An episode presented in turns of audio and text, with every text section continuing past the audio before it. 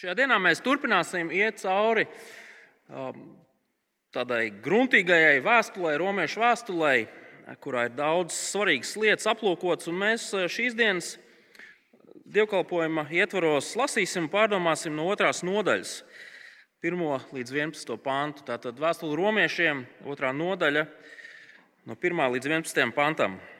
Draudzes Bībelēs 1139. lapuse.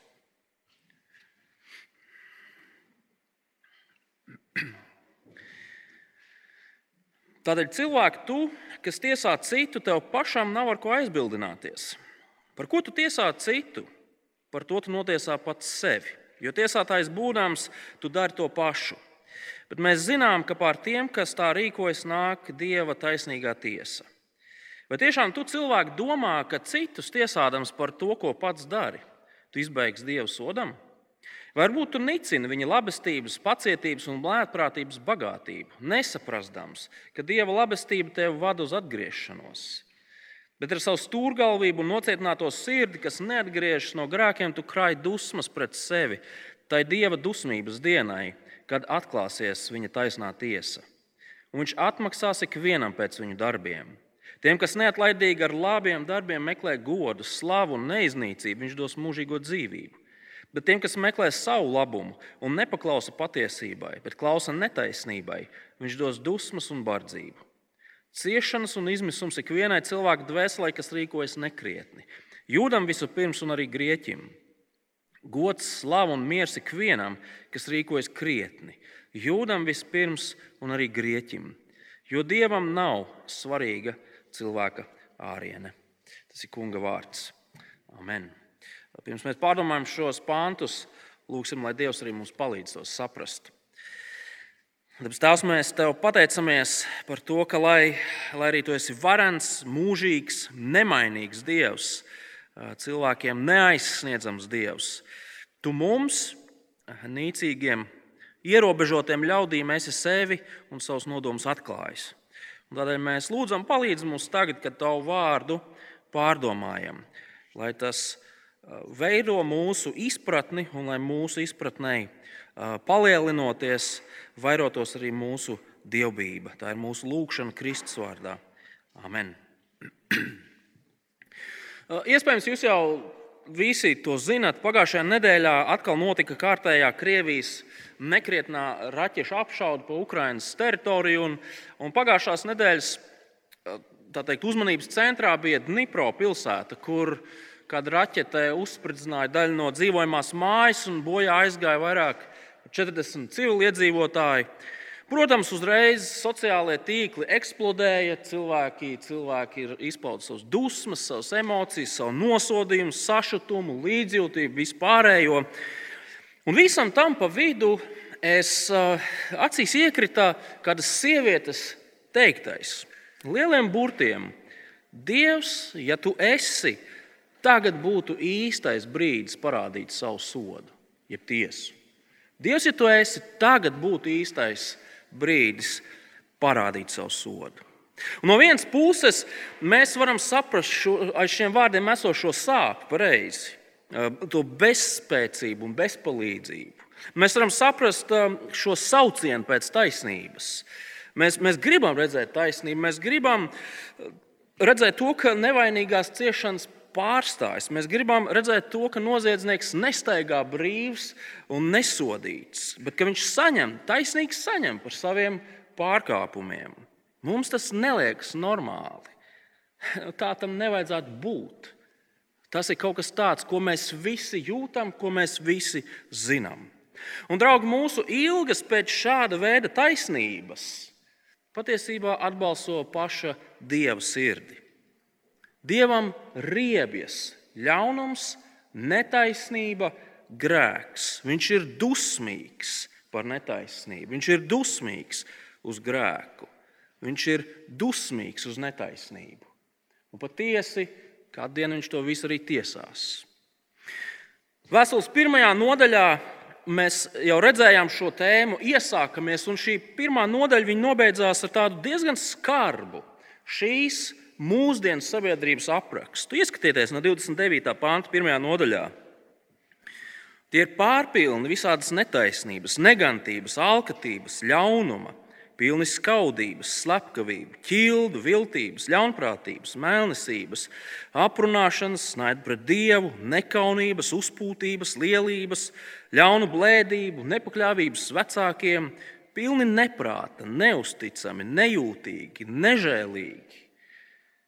Un 32. pāns atklāja, viņi nevien paši tā dara, bet atbalsta arī citus, kas tā rīkojas. Dievs ir dusmīgs uz šādu veidu sabiedrību. Un kādien viņš tiesās ikvienu cilvēku, kurš ir šajā sarakstā. Un patiesībā šīs dieva dusmas jau ir redzamas šodien un tagad. Bet mēs varam iztēloties cilvēkus, kas saka, Pāvils, Āmen! Kā Mirslavs te pirms brīža sauca. Āmen, Pāvils! Tieši tā! Dievam jau sen vajadzēja iznīcināt visus šos ļaundarus, visus šī amorālā dzīvesveida sludinātājus, visi šie krāpnieki, oligarhi, varmākas, visi tie, kas, kas sit savas sievas, kas sit savus bērnus, kas sit savus vīrus, visi šie Krievijas ģenerāļi un karavīri un prezidenti. Viņi visi ir sen pelnījuši dieva sodu. Dievs tagad būtu īstais brīdis parādīt savu sodu parādīt savu taisno tiesu. Bet šīs dienas raksturvietā ir kāds pārsteigums. Otrajā nodaļā Pāvils pagriežas pret šiem sašutušajiem cilvēkiem, kas nosoda visu šo iepriekš minēto, un uzdod vienīgu jautājumu. Draugs, vai tu tiešām domā, ka izbēgs no Dieva soda? Vai tu cilvēki tiešām domā, ka tu izbēgsi no Dieva soda? Citiem vārdiem sakot, vai tas, ka tu sevi pats varbūt neredz šajā, šajā melnajā ļaundaru un noziedznieku sarakstā, vai tas tevi pasargās no Dieva soda? Vai tas, ka tu dzīvo likumīgi, ka tu iestājies pret visu šo amorālo sabiedrību, vai tas tev dāvā drošību, ka tu pastāvēsi tajā dienā, kad Dievs tiešām tiesās visu pasauli. Skaidrs, ka ir pareizi nosodīt, neatbalstīt, neiesaistīties visās šajās ļaunajās lietās. Bet vai tas tiešām nozīmē to, ka mēs paši tiktu cauri sveikā, ka Dieva sots neatiecas uz mums? Un tas ir ārkārtīgi svarīgs jautājums. Ir šausmīgi dzīvot ar pārliecību, ka mums jau ar Dievu viss ir kārtībā. Lai gan patiesībā tā nav. Pāvils to uzskata par ārkārtīgi svarīgu jautājumu. Un tādēļ ir ļoti labi, ka mēs svētdienā vienu pēcpusdienu varam veltīt, lai par šo jautājumu domātu, tāpēc ka Bībele liek mums par šo jautājumu domāt. Vai tu izbēgsi no Dieva tiesas? Ieskaties vēlreiz, kā sākas šī otrā nodaļa. Tādēļ cilvēki, tu, kas tiesā citus, tev pašam nav ar ko aizbildināties. Par ko tu eh, tiesā citu, par to tu notiesā pats sevi. Jo tiesātājs būdams, tu dari to pašu. Bet mēs zinām, ka pār tiem, kas tā rīkojas, nāk Dieva taisnīgā tiesa. Vai tiešām tu cilvēki domā, ka citus tiesādams par to, ko pats dari, tu izbeigsi Dieva sodam? Reizēm cilvēki, lasot šos pantus, tā kļūdaini uzskata, ka šie panti nozīmē to, ka mēs nedrīkstam citus tiesāt. Un tad reizēm šiem pantiem tiek piesaukti klāt vēl paša Jēzus vārdi - netiesā, lai tu netiktu tiesāts. Un rodas jautājums, vai tiešām mēs nevaram izteikt nevienu spriedumu? Vai tiešām mēs nevaram nu, notiesāt, izteikt spriedumu par, par ļaunumu, par nepareizu rīcību? Un atbildi ir nē, gluži pretēji. Ja kāds rīkojas netaisnīgi, nepareizi, sevis un citus gandējot un bendējot, mūsu pienākums ir reaģēt. Nevis teikt, nu es jau tāds pats grēcinieks kā visi citi, nu ko tad es tur teikšu? Nē, ļaunums, grēks, nepareizības, netaisnība ir jāsauc vārdā. Mūsu pienākums ir atmaskot šīs lietas un, ja iespējams, apturēt šīs lietas. Un tādēļ mums ir svarīgi saprast, kas tad ir tie cilvēki. Ja šajā gadījumā tas, tas konkrētais viens cilvēks, no kura Pāvēlam šajā nodaļā ir saruna. kas ir Pāvils sarunbiedrs. Un tā vien izskatās, ka Pāvils sarunbiedrs šajā nodaļā ir cilvēks, kurš, kuram ir augsti morāls un likumības standarti. Mēs viņu saucam par kārtīgo pilsoni, par to pilsoni, kurš neatceros, kur, kurā mēnesī notiek Latvijas lepnuma ceremonija, bet kurš, kurš saņem šīs balvas? Kārtīgais pilsonis. Un nākamajā nedēļā patiesībā Pāvils šo sarunu turpinās, un mēs redzēsim, ka šis kārtīgais pilsonis ir ļoti reliģiozs pilsonis. Un Pāvils izgaismo to, ka arī šim likumīgajam, morālajam cilvēkam patiesībā arī ir problēmas, tad, kad runa ir par dieva tiesu, dieva sodu. Par to, ka tu tiesā citu, tu notiesā pats sevi. Jo tiesātājs būdams, tu dari to pašu. Bet mēs zinām, ka pār tiem, kas tā rīkojas, nāk Dieva taisnīgā tiesa. Kāds varbūt teiks, pagaidi, pagaidi, nu, kā, kā to saprast? Šis morālais un krietnais cilvēks, viņš taču nedara tās lietas, kas ir rakstīts tajā pirmās nodaļas izskaņā. Viņš taču neatbalsta Putinu un visus rašistus. Viņš uzticīgi gādā par savu ģimeni, piedalās labdarībā, neskandalējas. Ir krietns, tiešām krietns cilvēks. Bet problēma ir daudz dziļāka. Problēma ir daudz dziļāka nekā ārējās lietas, kuras mēs darām vai nedarām. Un Pāvils šo problēmu skaidri jau ir minējis un definējis pirmajā nodaļā. Ieskatieties pirmās nodaļas 18. pantā. Bet par to cilvēku bezdievību un netaisnību, kas dievu patiesību nomāca netaisnībā, no debesīm atklājas dieva dusmas. Vai jūs pamanījāt, kas ir šī lielā problēma? Kas dievu patiesību nomāca. Lūk, lielā problēma, kas dieva patiesību nomāca. Šīs pasaules cilvēki, viņi dzīvo savu dzīvību un noliec patiesību par Dievu. Mums kā cilvēkiem liekas, ka mēs kā indivīdi paši vai varbūt kolektīvi varam noteikt to, kā sabiedrībā ir jādzīvo, kā lietām ir jānotiek. Mēs paši nosakām savus standartus, mēs paši nosakām savus kritērijus. Mums ir vienalga par Dievu, par viņa baušļiem, par viņa vārdiem. Mēs paši definējam to, kas, kad, kā un kāpēc ir vai nav jādara. Mēs paši nosakām, kas ir labs, kas ir ļauns. Un tā realitāte ir tāda, ka To var darīt gan absolūti nekrietneļi, gan krietni kārtīgi godājumi ļaudis. Otrās nodaļas cilvēks īstenībā ir radījis pats savu standārtu un savu atskaites sistēmu. Jā, varbūt tā izskatās tāda cēla, tā izskatās inteliģenta, tā izskatās tāda humāna, To raksturo heteroseksuāls un monogāmas attiecības līdz nāvei, šķirs. To raksturo mēs cienām un palīdzam saviem bērniem, un bērni godā savus vecākus. To raksturo tas, ka mēs aizsargājam un pabarojam visus nabagus un, un, un, un bēgļus un tā tālāk. Tā projām. Taču šis krietnais standarts ir tieši tāds pats patiesības aizstājējs kā visatļautība, žūpošana klaja bezdievība un mantrausība. Pāvils saka, ka nosodot vienu, mēs atklājam, ka mēs paši esam vainīgi. Mēs atklājam paši savu sistēmu. Mēs esam radījuši sistēmu, kurai mums liek justies labi, kurā mēs sev varam attaisnot. Un realtātē Kad mēs iedziļināmies arī šajā sevis radītajā krietnējā sistēmā, mēs redzam, to, ka mēs nemaz neesam tik labi un pūkaini. Ārēji tādi varbūt arī izskatāmies. Bet iekšienē ne viss ir tik nevainīgi.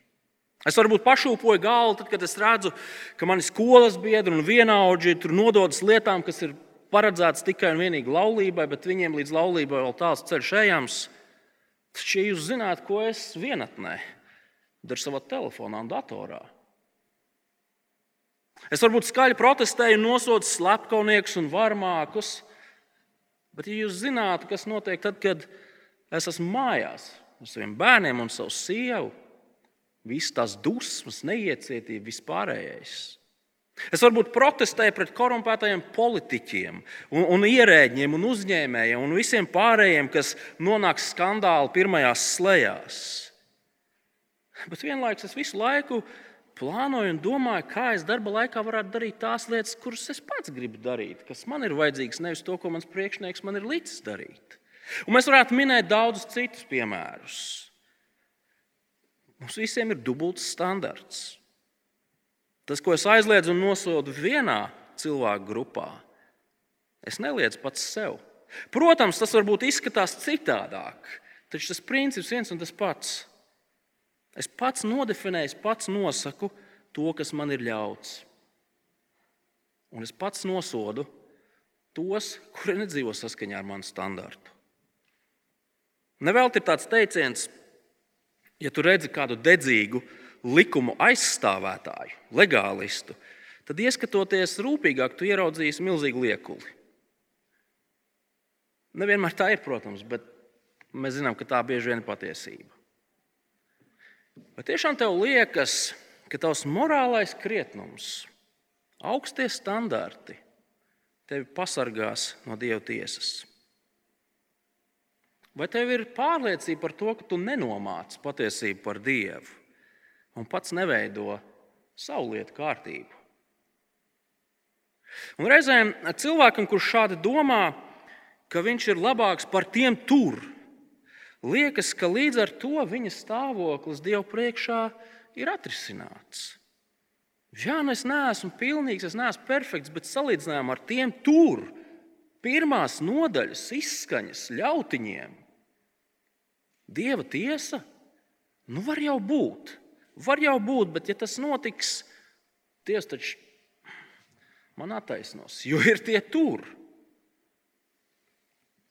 Taču Pāvils mūs mudina nepieļaut šādu kļūdu domāšanā.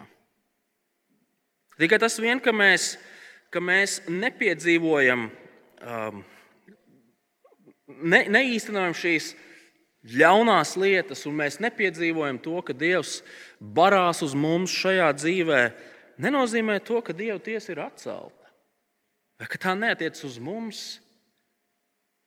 Jo Pāvils turpinājumā saka, ka mums ir jāsaprot, kādā laikā mēs dzīvojam. Un mēs šobrīd dzīvojam Dieva žēlstības laikā. Dievs ir pacietīgs. Mēs dzīvojam Dieva pacietības laikā. Tādēļ atgriezieties. Skatieties, 4. un 5. pantā. Varbūt tu nicini viņa labestības, pacietības un lētprātības bagātību, nesaprastams, ka Dieva labestība tevi vada uz atgriešanos, bet ar savu stūrgalvību un nocietināto sirdi, kas neatgriežas no grēkiem, Tu krāj dusmas pret sevi tai dieva dusmības dienai, kad atklāsies viņa taisnīgā tiesa. Reizēm, kad um, kādu nekrietnu cilvēku notiek kaut kas slikts, cilvēks saka, nu redz, Dievs jau nav mazais bērns. Tas nekrietnēls saņēma pēc saviem nopelniem. Taču, ja mēs, un es runāju šobrīd par, par laiku, kurā mēs kā latvieši kopumā dzīvojam, savā ikdienā nu, mēs redzam, ka nu, nekas jau slikts ar cilvēkiem nu, tā nenotiek. Nu, parasti, ne? Tā ikdiena ir diezgan mierīga.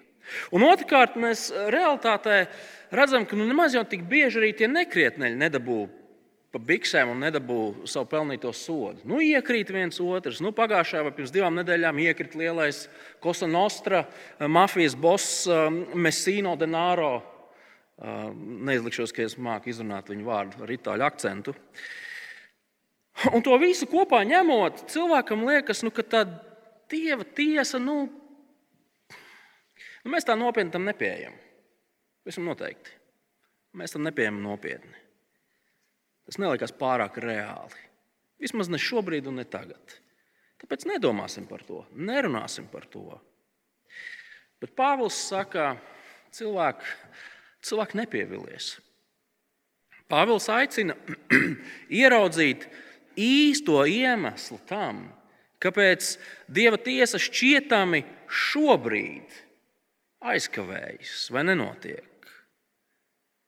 Pāvils, Pāvils ar šiem vārdiem pasaka pretējo. Viņš saka, draugi, jums nevajag uzskatīt, ka Dievs kaut, kur, kaut ko nevar Vai ka viņš ir tāds neizlēmīgs, vai ka viņš ir kaut kāds tāds vājulīts, kurš nevar beidzot izdarīt to, kas ir jāizdara, vai ka varbūt viņam pilnīgi vienalga ir.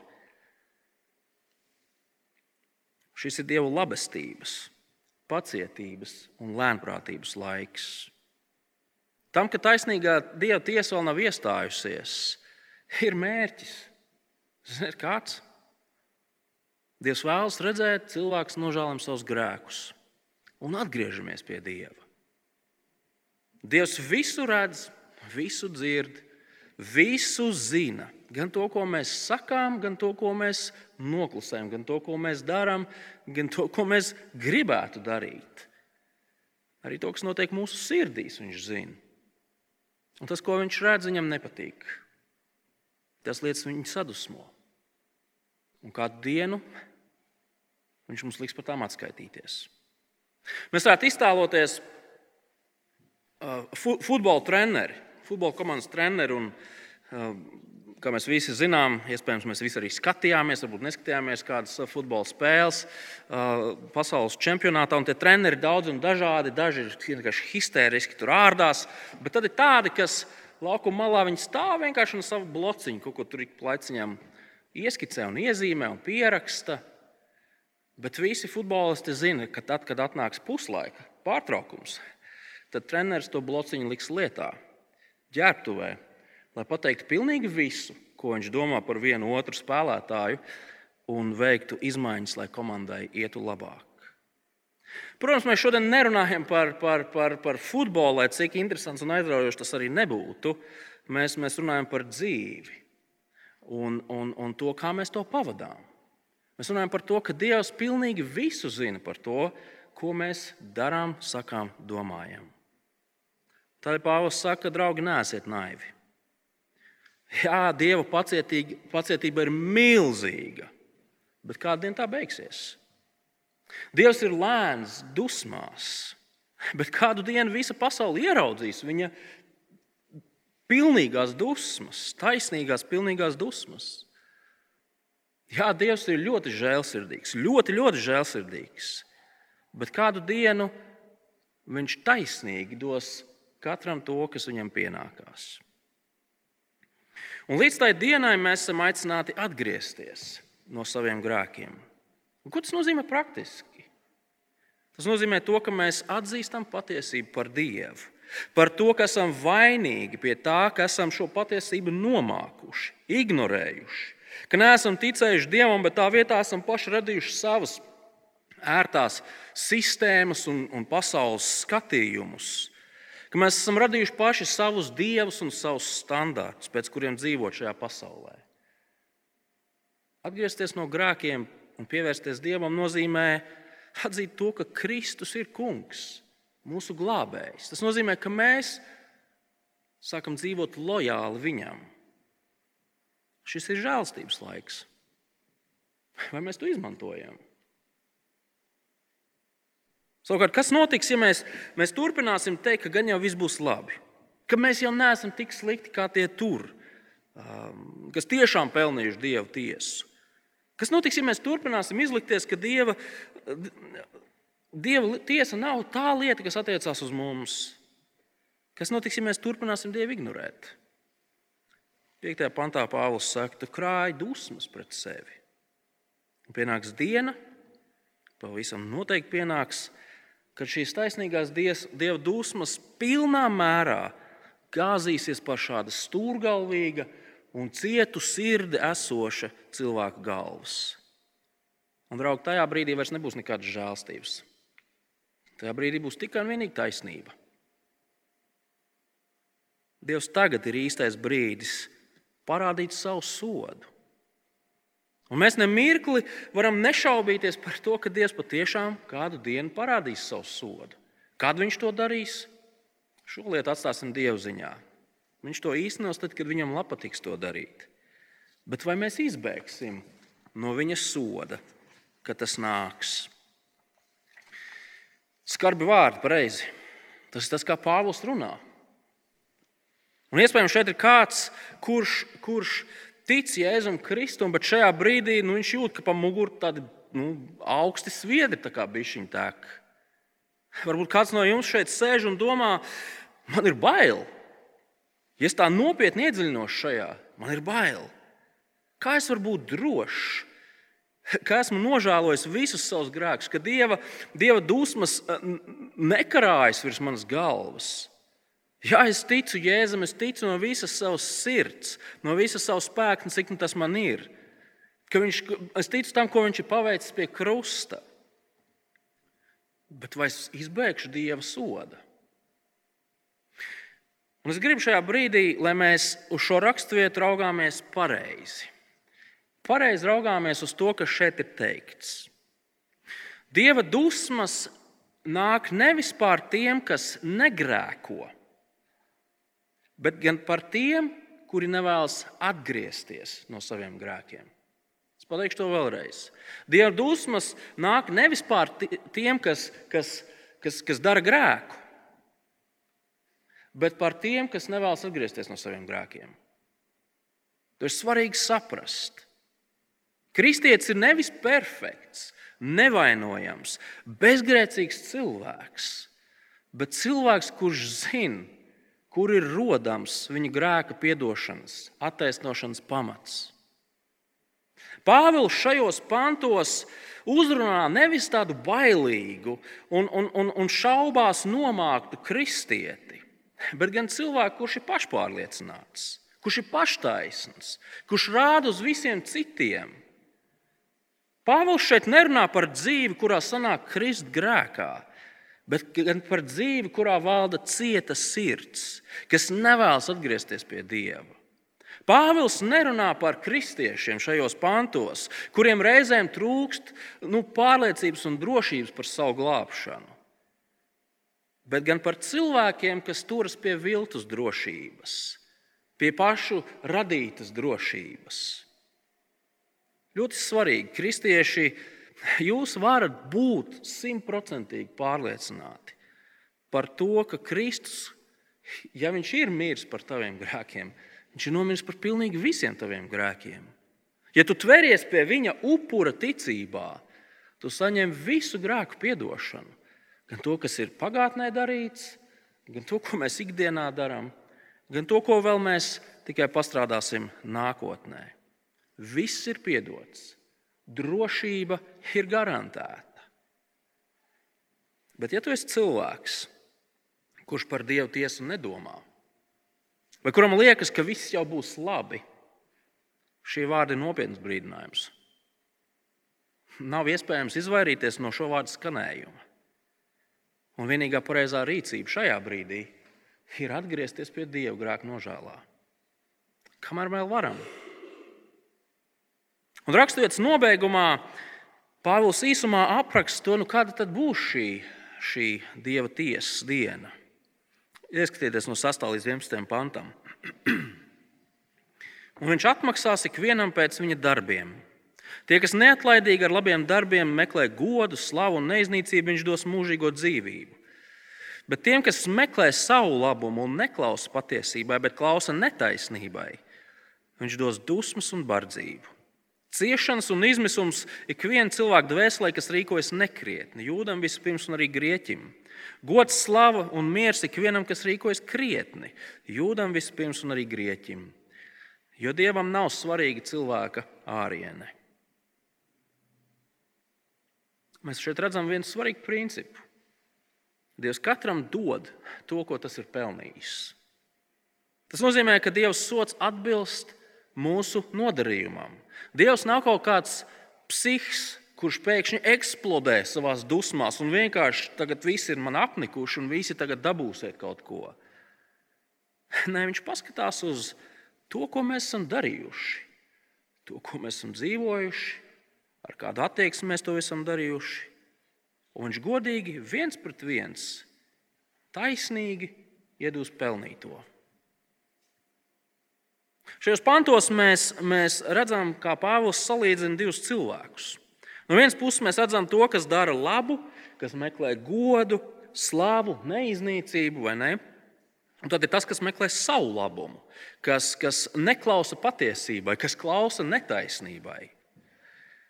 Pāvils šajos pantos nerunā par to, ka cilvēks ar saviem labiem darbiem kaut kā var aizkārpīties līdz debesīm. Nē, par to vispār nav runa, un Bībele šādu mācību vispār nemāca nekur.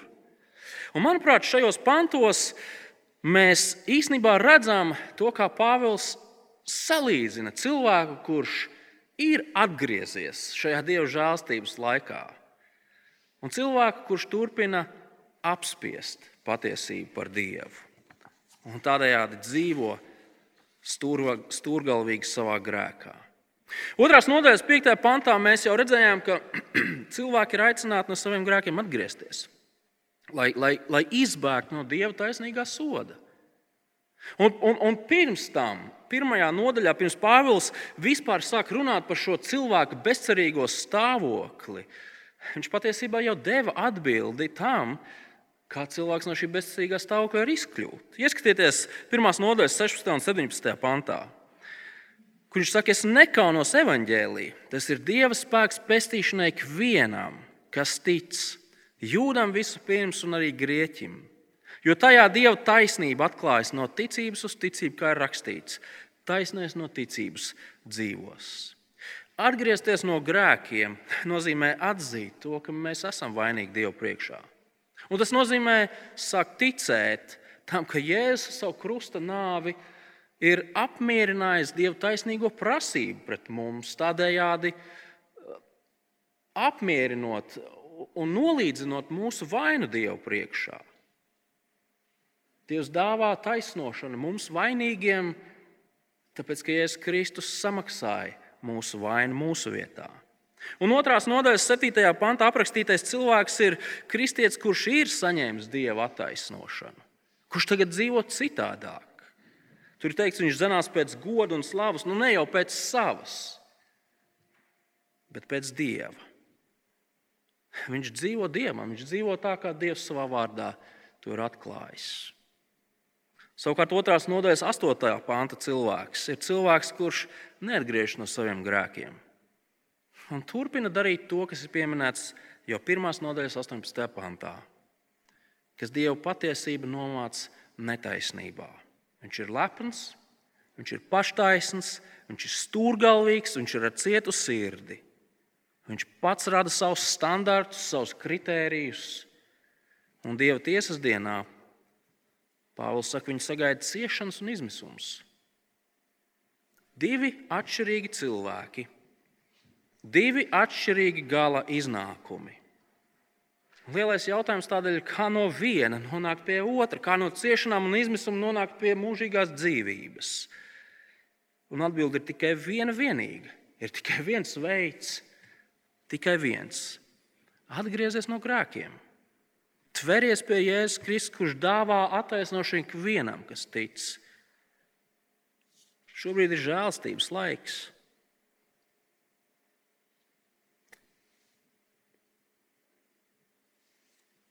Kāds varbūt jautās,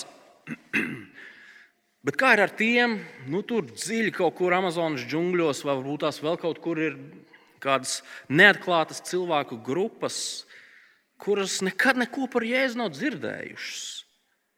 Ko, ko Dievs ar viņiem darīs? Un atbilde ir ļoti vienkārša. Dievs viņus taisnīgi tiesās. Protams, Dievs taisnīgi tiesājot šos cilvēkus, kur par Jēzu neko nav dzirdējuši, viņš viņus netiesās tādēļ, ka viņi nav Jēzum ticējuši, par kuru viņi vispār neko nav dzirdējuši. Bet Dievs viņus taisnīgi tiesās. Viņš skatīsies uz to, kā viņi ir dzīvojuši šo dzīvi, tā kā nenomāca patiesību par radītāju. Mēs varam būt droši, ka Dievs būs taisnīgs pret viņiem. Visiem pret visiem pasaules iedzīvotājiem. Dievs katram taisnīgi dod, ko tas ir pelnījis. Un šīs raksturvietas noslēgumā mēs redzam, ka Dievam nav kaut kāda favorīta un mīļāko tautu vai vēl kaut kas tamlīdzīgs. Dievs pret visiem izturas vienādi. Mēs, protams, dzīvojot šajā pasaulē, esam pieraduši to, ka pasaules bagātie, spējīgie, ietekmīgie, varenie, slavenie vienmēr kaut kā izbēg no soda, pareizi, vai vismaz nesaņem bargas, bargus sodus. Taču Dievs tajā dienā, savā tiesas dienā, uz visiem skatīsies vienādi. Nav tur īpašo cilvēku. Jūdi, grieķi nav svarīgi. Visi Dievu priekšā ir vienādi. Tā vienmēr ir bijis, tā vienmēr būs. Katrs saņems to, ko ir pelnījis. Šis ir īstais brīdis, lai Dievs parādītu savu sodu. Tikai Dievs zina to, kad šis brīdis pienāks pareizi. Bet līdz tam mums ir dots žēlstības laiks, kurā mēs varam iegūt grēku piedošanu. Un drošu pārliecību par to, ka šai, šai īstajai dienai pienākot, mēs zinām, kas mūs sagaida. Ja mēs esam Kristū, mūs sagaida atplastas tiesneša rokas un, un teksts: Nāc iekšā, draugs, tev ir piedots. Nāc manā valstībā, par taviem pārkāpumiem ir samaksāts. Ir cilvēki, kuriem šie panti ir nopietns brīdinājums. Tas ir mudinājums beigt meklēt iemeslus, bet meklēt attaisnojumus un atgriezties pie Dieva. Nožēlot grēkus, uzticēties Kristum, sākt dzīvot Viņam, kamēr ir laiks. Savukārt tiem, kas ticībā turas pie Dieva dāvātās atdošanas, šie panti atgādina par to, cik varana, cik brīnišķīga ir Dieva žēlastība, cik brīnišķīga ir Viņa glābšana, kas mums dāvā attaisnošanu. Šī raksturvieta ir nopietna, bet caur Kristu šie vārdi mums dāvā milzīgu prieku, milzīgu cerību, drošu paļāvību caur kuru mēs varam pateikties Dievam, ka Viņš mūs ir glābis, ka mūs sagaida mūžīgā dzīvība, ko Viņš apsolīs ikvienam, kurš atgriežas pie Viņa. Lūksim Dievu! Dabas tās mēs tev pateicamies par to, ka tavs vārds ir melnbalts. Tas ir tik skaidrs, tur nav nekādi maz, mazo burtiņu, slēpto nozīmju. Tas ir skaidrs, un mēs pateicamies par to, ka tu esi atklājis, kā lietas ir, kāda mēs paši esam, kāds esi tu. Un tādēļ mēs lūdzam, lai šīs raksturvietas gaismā mēs katrs varētu izdarīt savus secinājumus, kungs. Ja mums ir jāatgriežas pie tevis, kungs, ka mēs uz karstām pēdām to darītu. Ja mēs esam tavi ļaudis, ka mēs, lasot šos pantus, šos nopietnos pantus, varētu pateikties par glābšanu, ko tu mums esi devis, par stiprinājumu, ko mums dod tavu vārdu apsolījums, par mūžīgo cerību un dzīvību, kas mums, Kristū, ir garantēta. Tās dod, ka mēs varam pateikties tev un priecīgi dzīvot. Un vienlaikus mēs gribam lūgt, lai šie panti mūs mudina brīnišķīgo evaņģēliju sludināt citiem cilvēkiem, Jo bez atgriešanās no grēkiem cilvēkiem nav iespējama mūžīga dzīvība. Cilvēks sagaida ciešanas un izmisums. Tās dod, ka šie pānti un šie vārdi mūs motivē evaņģēlijas sludināt cilvēkiem, kuriem tas ir vajadzīgs. To mēs lūdzam Kristus vārdā. Amen.